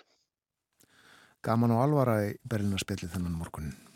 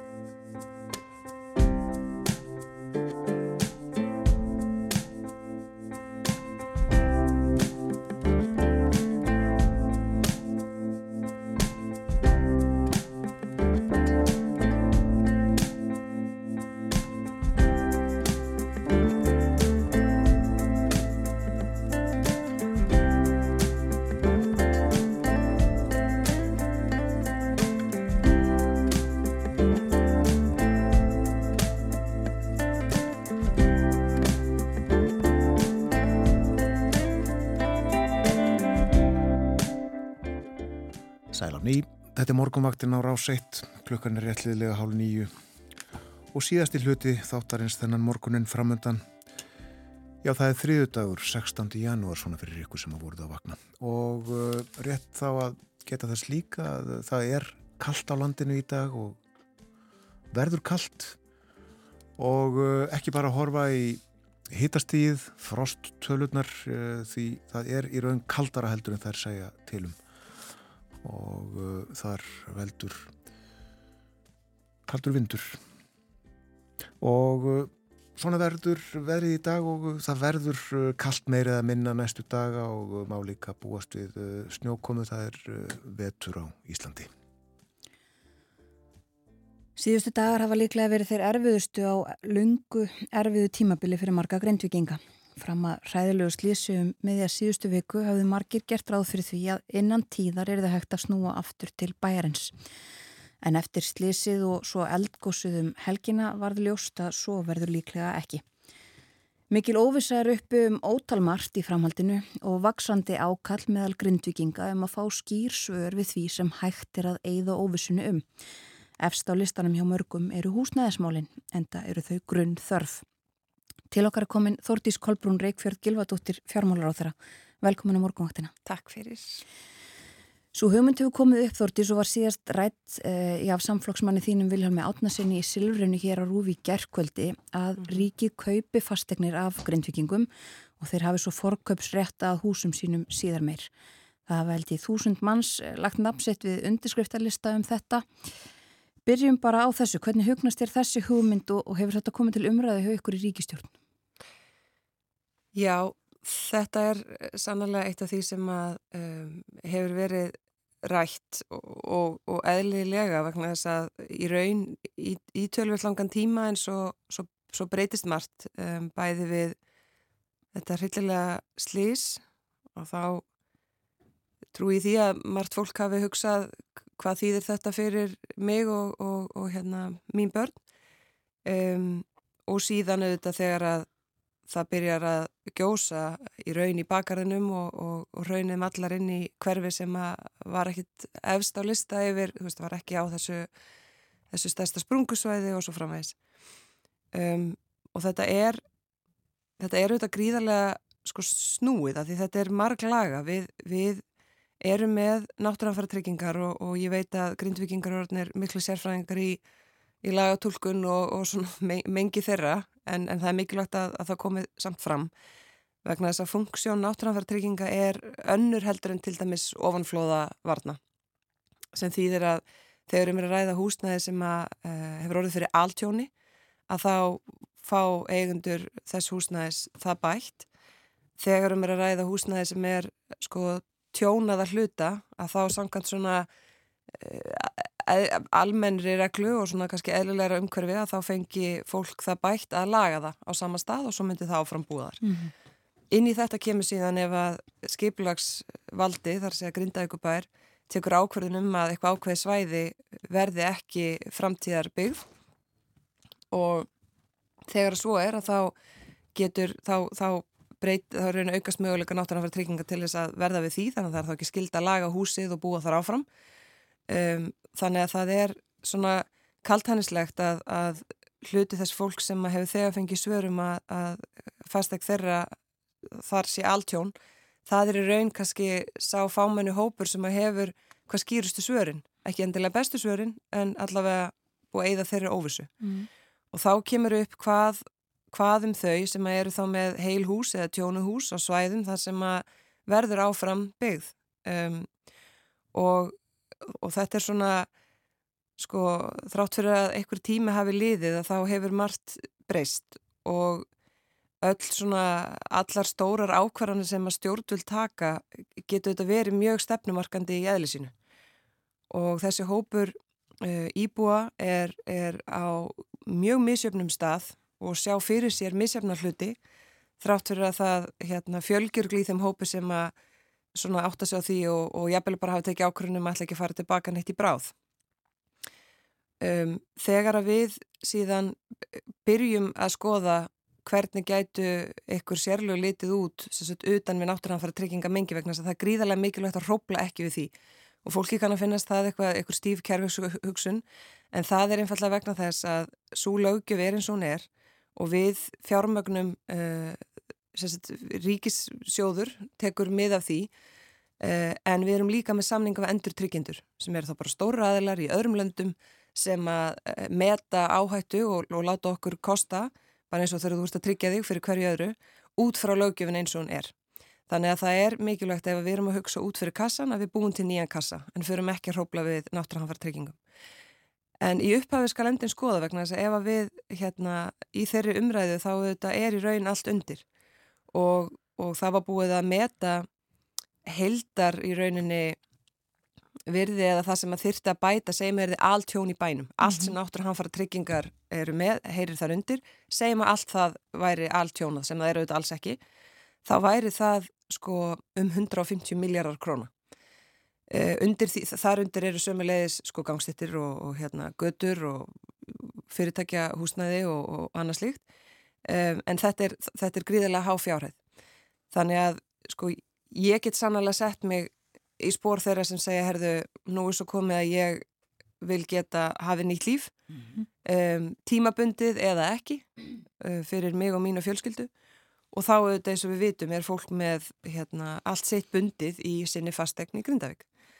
Þannig að ég, mér finnst gott að þessi umræða sé í gangi og, og, hérna, og ég veit að hún var auðvitað mikið rætt í, í Silfrunni í gær eh, en ég í minni stöðu bara get ekki sagt neitt fyrir að við einhvern veginn erum búin að kortlækja þetta allt saman og, og hérna, teikna upp svona mismunandi sviðsmyndir og hvernig uh, því er þið mætt vegna þess að ég veit sannlega að það er fólk sem vil þessi svör og við þekkjum það að, að óvissan er oft svo vestæðis öllu saman, ekki það að fá sko niðurstöðu sem þeir, sem þeir sárnar eða líkar alls ekki, heldur bara að fá einhverja niðurstöðu. Já. Þannig að við höfum framan að verið að horfa á þessi svona skamtíma uh, lausnir varðandi húsnaði mjög tímabundið en, en vorum við þetta vonað að þetta er þá svona frekar tímabundin uh, atbyrður en það, það stefnir ekki alveg í það og þá þurfum við að fara í annan fasa og hugsa þetta til hérna, lengri tíma og ég veit að fólk sem að auðvitað og þekki það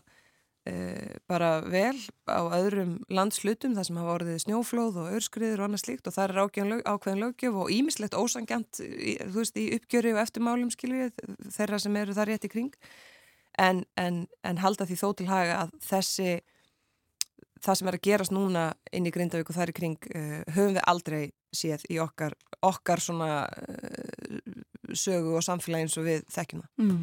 Þannig að þetta hefur verið rætt, það eru engin svör sem þú getur gefið við þessu en getur þú sagt hvenar fólk getur vænst þess að fá þessi svör hvort að vera til dæmis bara tekin ákvörðun af eða á um þetta? Já, sko þessi vinnar er fallað í, í, í gangi og við erum auðvitað með þessi úrræði sem uh, voru fóru gegnum þingið fyrir jól varðandi leigu stuðning sem er það hugsað auðvitað svona, svona til skemmri tíma á afkomutryggingunum sömu leiðis, kakkur þeim sem að eru að starfa til dæmis í Grindavík og bara geta ekkert hérna, starfa þar eh, og svona ákveðin stuðningur til handa fyrirtækjum varandi greiðslur en núna eh, sjáum við og erum, erum langt komin með vinnu sem snýra svona frekari ekstra stuðningi fyrir fyrirtæki en þar þarf líka sömulegis að hugsa sko, hver eru markminn með þeim stuðningi um, og síðan eh, hérna þessi svona stærri mál þannig að fólk getur fengið svör og tekið ákvarðanir fyrir lengri tíma. Þessi vinn er í fullum gangi við, við höfum og ég meina við vorum við vorum að fulla að, að, að vinna í þessu öllu saman í síðustu viku en í raun út frá öðrum fórsöndum og þegar við fundum almannavörnum á laugadaginn sem að snýrist um sko þryggja veikna að lókunni raun í, í Grindavík uh, og, og hérna og, og drífa áfram sko vinnu sem snýra þeim fórsöndum og þá vorum við bara komið annan veruleika dag, degi síðar vorum afturmætt í, í hérna skóarlíðan að funda með einhvern annan veruleika fyrir framann okkur. En það er hérna, það eru þetta ríkistjórnafundur hefbundin aftur uh, á eftir en við heldum að einhver fundi gær bara um Grindavík. Og síðan er íbúafundur í dag klukkan 5 þar sem að ég veit að, að hérna, það verða gríðarlega margar spurningar, mm. uh, stórar og, og hérna, fólk þýsti í svör. En hérna uh, þannig að við leggjum allt kappa á að geta svara því sem hægt er að svara og, og þá í leið auðvitað, svona, skapa sveigum til þess að geta auðvitað, áframsagt veist, við sumu höfum ekki svörin og ég veit að fólk skilur það En, en hérna, ég veit líka að fólk er farið að, að þista mjög í ákveðinsvör og, og vera ekki í þessu gríðarlega limbo og vita ekkert eitthvað neina. Vegna sem við erum búin að tala um að skólinn byrji e, í haust en núna likur fyrir að jafnvel þótt allt myndi klárast í dag að þá tekur all nokkra mánuði hinn minsta að, að bara finna út úr því hvað er örugt og hvað þurfa að gera inn í bænum. Þannig að þetta, þetta hefur bara breyst því miður mm. e, frá byrjun. Þannig að fólk getur vænst því að fá svör við einhverjum spurningum á þessum íbúfundi í dag. Já, það verða, ég, ég hérna, við erum auðvitað þar bara bæði með svona kynningar og svo erum við þar til svara og, og hérna munum uh, vilja geta svara ákveðin spurningum, við munum ekki geta svarað, svarað öllu en það er líka mikilvægt að taka, taka þetta svona samtal þó maður sé ekki með hérna öll svörin uh, og við fundum til að mynda með bæjarstjórn, Grundækubæjar á eftir ríkistjórnin sem að ég held að sé líka bara mjög, mjög gaglegt vegna mm -hmm. þess að, að hérna, fólk er líka bara mjög misjöfnum stað og það, það heyri maður uh, ég veit að þekki marga grindvikinga, maður minn er grindvikingur og þetta hérna, einstakar samfélag mótaði hann og, og bjóð bjó þá afbrásmannuski til um, og maður heyrir auðvitað að, að fólk er á misjöfnum stað og það er og það er líka eitthvað sem þarf að passa að hérna, fólk hafi sko eh, frið og skilning til þess að taka ákvæðinu fyrir sig og sína. Sumir eru eh, alveg ótrúlega áframum að, að hérna, fara tilbaka og byggja upp og þarna verði uh, áfram samfélag, hvernig sem það með líti út, það kann að líta eitthvað öðris út á meðan aðrir uh, í rauninni er búin að taka svona ákvörun inn í sér um að, um að fara og það verður að vera uh, sko, virðing fyrir mismunandi áherslum og, og skoðunum út frá bara fórsöndu sem eins. Já. Þú nefndir það að bæjarstöld Grindavíkur er á leið til fundar við ykkur í ríkistjórn, uh, fundurinn eftir tæpan klukkutíma Um, þú nefndi líka gær uh, að sko stórar ákvarðanir í þessu verði ekki teknar án samræðs við grindvikinga mm -hmm. og þá langar maður að spyrja það sko hvernig hefur og verður þessu samræði háttað, hvað fælst í því? Mm -hmm.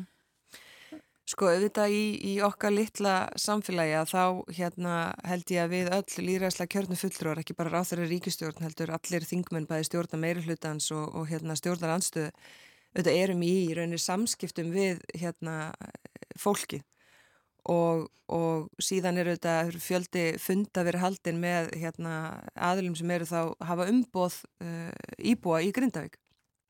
Um, og ráþarar allir hafa farið þarna í heimsókn og við höfum hérna, skoðað og sest niður með Björgunarsveit og, og svo framvegs þannig að það, það, það hefur auðvitað verið sko yfir þennan tíma en það er bara það er svona maður þarf að huga því að sko stórar ákvarðanir sem að e, stjórnvöld taka eða alþingi þegar það kemur saman og fjallar um ímis mál og þetta er með fjárvitingavaldið og þá, þá, þá, þá mun það einhverju tilfellum þýða sko í því fælst ákveðin stefnumörkun og þá þurfum, bara, þurfum við sem flest að vera á sömu blaðsýðu með það um, en, en ég get sagt fyrir mitt leiti að, að mér liði best með í raun ákvarðanir sem að færir fólki uh, val, sveigurum og þá ábyrð gagvart bara sér og sinni fjölskyldu til þess að taka þær ákvarðan sem þarf að taka.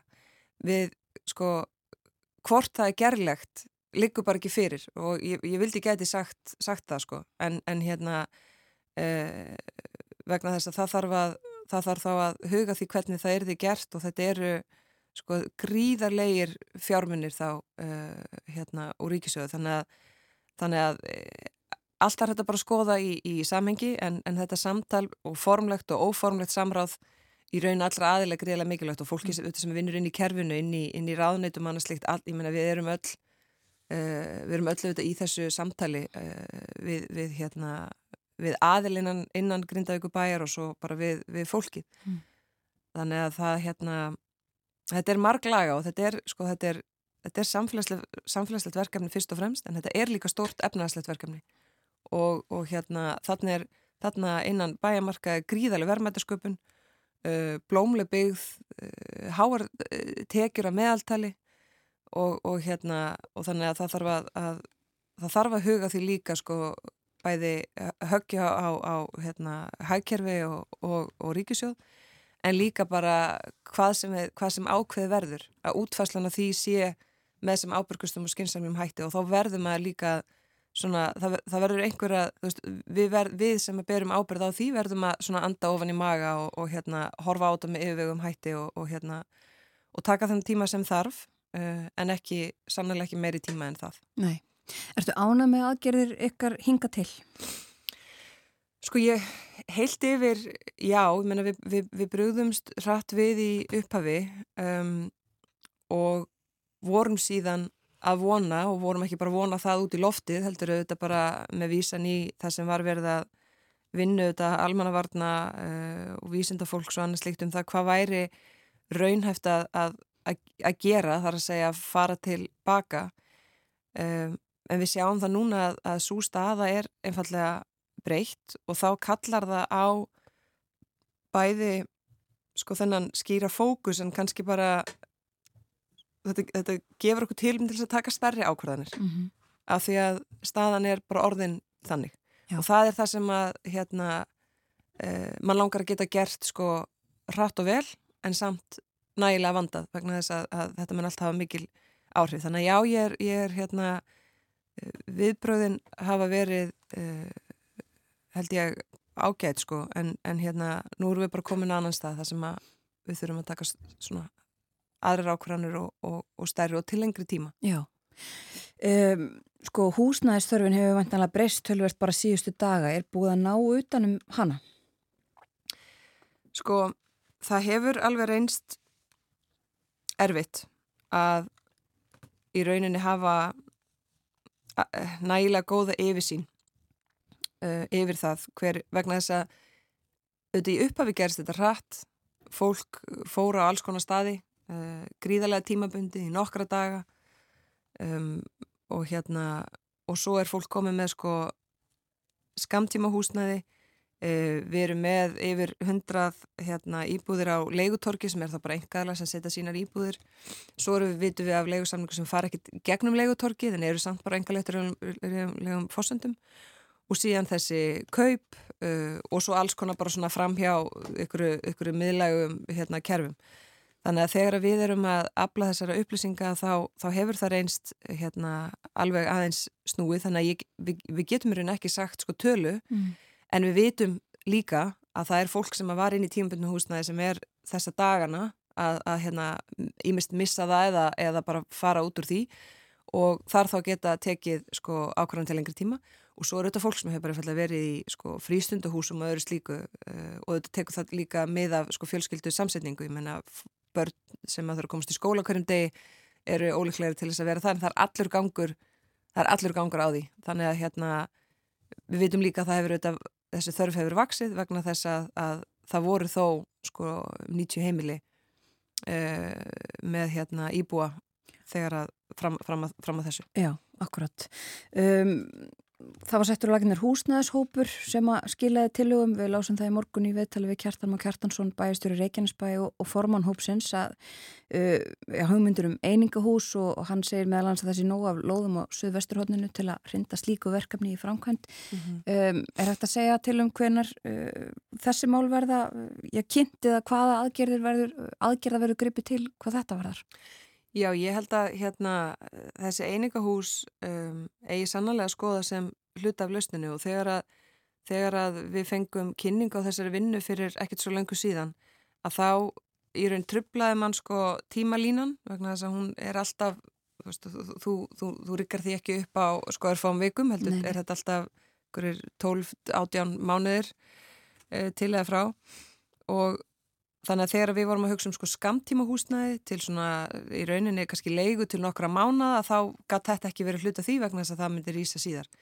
Þetta hefur síðan líka breyst vegna þess að við vitum núna að það verður varanlegri þörf fyrir ákveð húsnæði og þegar maður hugsa tilbaka þá til að mynda voru þessi sko viðlegaðsjóshús sem auðvitað standa bara enn í dag í mörgum hérna bæjarfélögum og, og, og hérna fæstæri eða engin með miklu og líkt mörgum öðrum og það er til að mynda hverfi uh, á Akrains í mínum heimabæ sem eru viðlæðsjóðshús þau komu ekki fyrir en sko þremur árum eftir gós þannig að ég held að við gætum gert þetta hraðar en, en það og, og hérna ættum að, að hugsa í lausnum. En, en við finnum það líka að það sem að fólk er helst að kalla eftir uh, lang flest, auðvitað staða fólks í grindaug mismunandi en fólk er, maður heyri það mjög skýrt, fólk er fyrst og fremst að óska eftir bara svona svigrum og verkverðin til þess að geta tekið ákvarðanir sjálfstætt bara mm og, mhm. og vera ekki einhvern veginn veist, ekki endilega með miklum sko ríkislausnum heldur bara að þau geti með einhverjum hætti ímest losa sig undan þeim skuldbindingum sem þau eru með í dag til þess að, að hérna, starta nýjum uh, eða eitthvað auki svigrum þessum hópi þannig að, þannig að þau geti gert hvortvöggja og það er, það er það sem að, uh, við þurfum að, að hérna,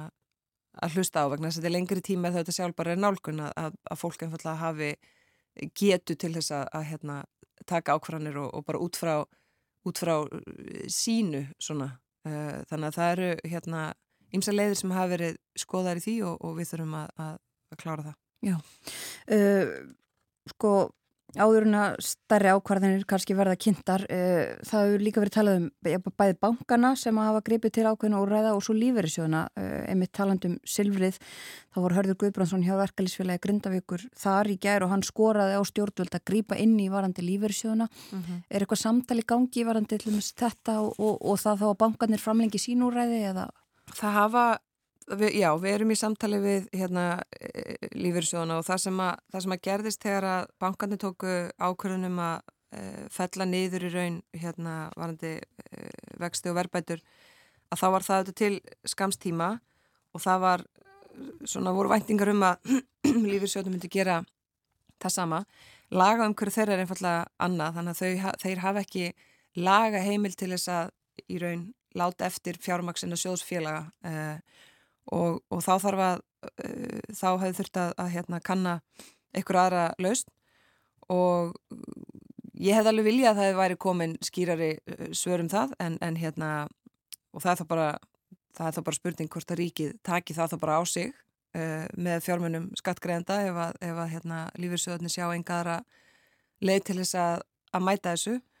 Og um, við reiknum með að geta svara því um, alveg á allra, allra, allra næstu dögum.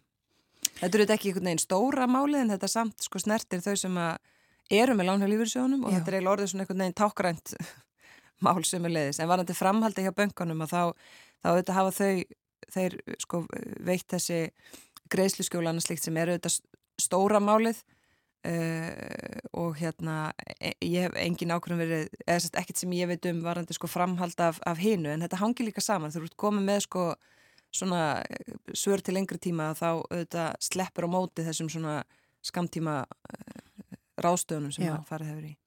Rétt í lokin Þórti Skólbrún uh, já, kannski byrjun síðustu viku þá var umræðin í samfélaginu kannski einna mest um stöðu ríkistjórnarinnar, mm -hmm. vantrust til að hafa bóðu, það voru óvísað um stjórnarsamstarfið, svo eru kjærasamningar, uh, það er ímis önnur stórmál, bara hver er staðan á, á þessu málum núna? Hefur hún líka breyst?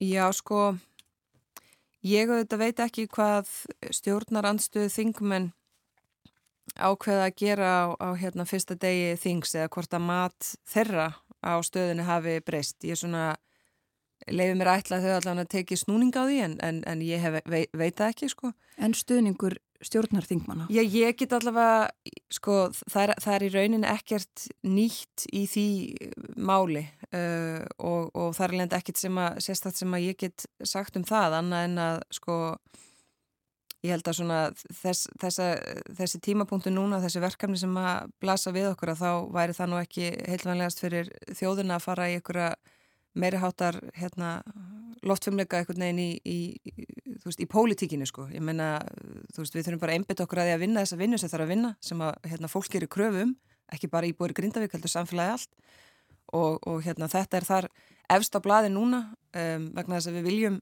geta tekið utanum fólk og, og, og gert í kleifta að hérna, taka ákvarðanir fyrir sig og sína. Við erum bara þannig samfélag og við eigum að geta ráði við það. Uh, kjara viðræðnar, þær viðræðar er einfallega í fullum gangi og það er verið að greina og meta sko, þessar kröfur og annað slíkt. Um, en, en sannarlega, sko, ríkisjóður eru þetta ekki, veist, þetta er ekki bara auðlind sem hérna, heldur áfram að gefa. Ég meina það eru þetta er allt tekið, tekið af veist, þetta, er, þetta er bara uppistannast, þetta eru bara skattpenningar og við erum með sko, stífar reglur um, um hérna, útgjöld og, og, og, og annað slíkt, afkomu og skuldir og svo leiðis. Þannig að þegar þið getið ímyndað okkur þegar verkefna þessari starra gráðu sem er miklu starra heldur en það sem snýra kjærfiraðum að þá, þá verður auðvitað að vera hægt að horfa þessar hluti í samhengi en fórkvæmsöðin er skýr og ég ger ráð fyrir að samfélagi allt sér sammála þeirri fórkvæmsöðin. Kæra þakki fyrir komin á morgunvaktina Þórtís Kolbrún Reykjörg Gilvardóttir fjármálar á þeirra og Þúrtís Kolbrún síðasti gestur þáttarins þennan morgunin. Það er komið að lokum þáttarins. Þáttarinn verður á sínum staði fyrramálið, Björn Þóru og Þórun Elisabeth bjóða góðan dag þegar klukkuna vanta tíminn 3.7 við þökkum samfélgina í dag verði sæl.